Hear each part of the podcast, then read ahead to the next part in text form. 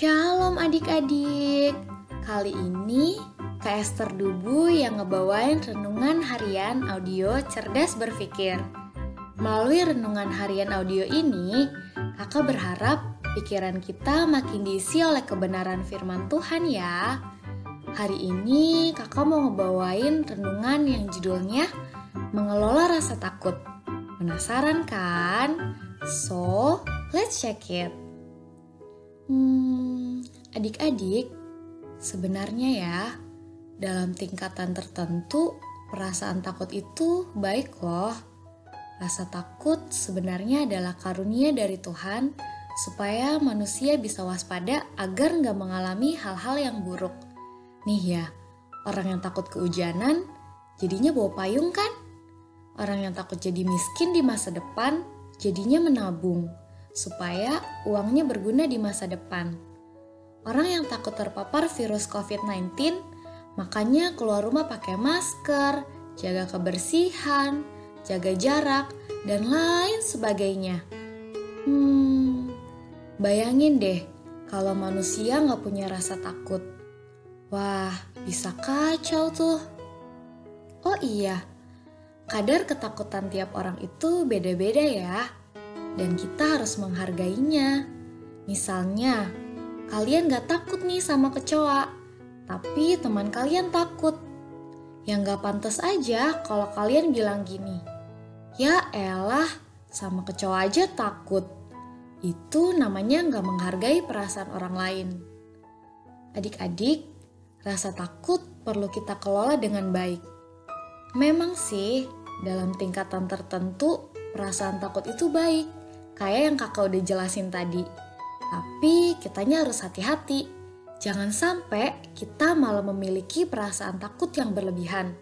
Dan itu pasti nggak ada manfaatnya loh. Bahkan bisa bikin kita melanggar kehendak Tuhan. Untuk itu, yang Kak Esther bilang tadi, kita harus mengelola perasaan takut. Jadi, ada perasaan takut yang sebisa mungkin harus kita singkirkan nih. Yang pertama, perasaan takut yang membuat kita jadi nggak berkembang. Gara-gara takut nggak bisa ini dan itu, kita jadi nggak mau ambil kesempatan untuk berkembang. Misalnya, kalian ditawarin jadi ketua kelas. Guru dan teman-teman setuju karena kalian dianggap pantas dan karakter kalian memenuhi syarat jadi ketua kelas. Tapi kalian nolak dan bilang kurang lebih kayak gini nih aku nggak bisa jadi ketua kelas. Hmm, itu pilihan kalian sih ya. Cuma ya sayang aja. Adik-adik, perasaan takut sih wajar ya. Justru perasaan takut harus kita kelola supaya kita jadi lebih baik lagi, waspada, dan ambil langkah yang tepat. Soal tawaran jadi ketua kelas tadi contohnya.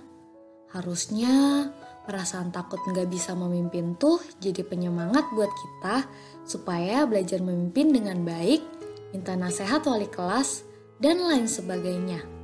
Nah, yang kedua nih, perasaan takut yang membuat kita melupakan Tuhan. Misalnya kalian lagi ujian, terus soalnya susah banget.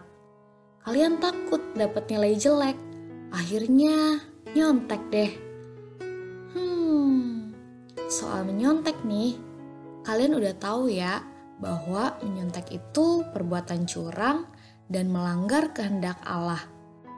Atau kalian misalnya lagi jalan di tempat gelap, terus kalian takut ada sosok misterius yang nyamperin kalian. Kalian tahulah maksudnya. Nah, itu adalah ketakutan yang gak perlu. Itu bisa membuat kalian justru melupakan Tuhan. Masa Tuhan yang maha hadir dilupain sama sosok misterius yang belum tentu ada sih? Oh iya, sekarang kita lagi menghadapi situasi pandemi COVID-19. Situasi ini bikin banyak orang jadi ketakutan. Bahkan ketakutannya lebih dari soal takut terpapar virus COVID-19. Gak sedikit orang jadi takut akan hal-hal buruk di masa depan. Ditambah kita nggak tahu kapan pandemi ini akan berakhir. Tapi Kak Esther mau ingetin satu hal, Tuhan masih ada walau kita nggak melihatnya secara fisik. Dia tetap menyertai langkah hidup kita asal kita berharap dan berlindung padanya. Yesaya 41 ayat 10 bilang kayak gini. Janganlah takut sebab aku menyertai engkau. Janganlah bimbang sebab aku ini Allahmu. Aku akan meneguhkan bahkan akan menolong engkau. Aku akan memegang engkau dengan tangan kananku yang membawa kemenangan.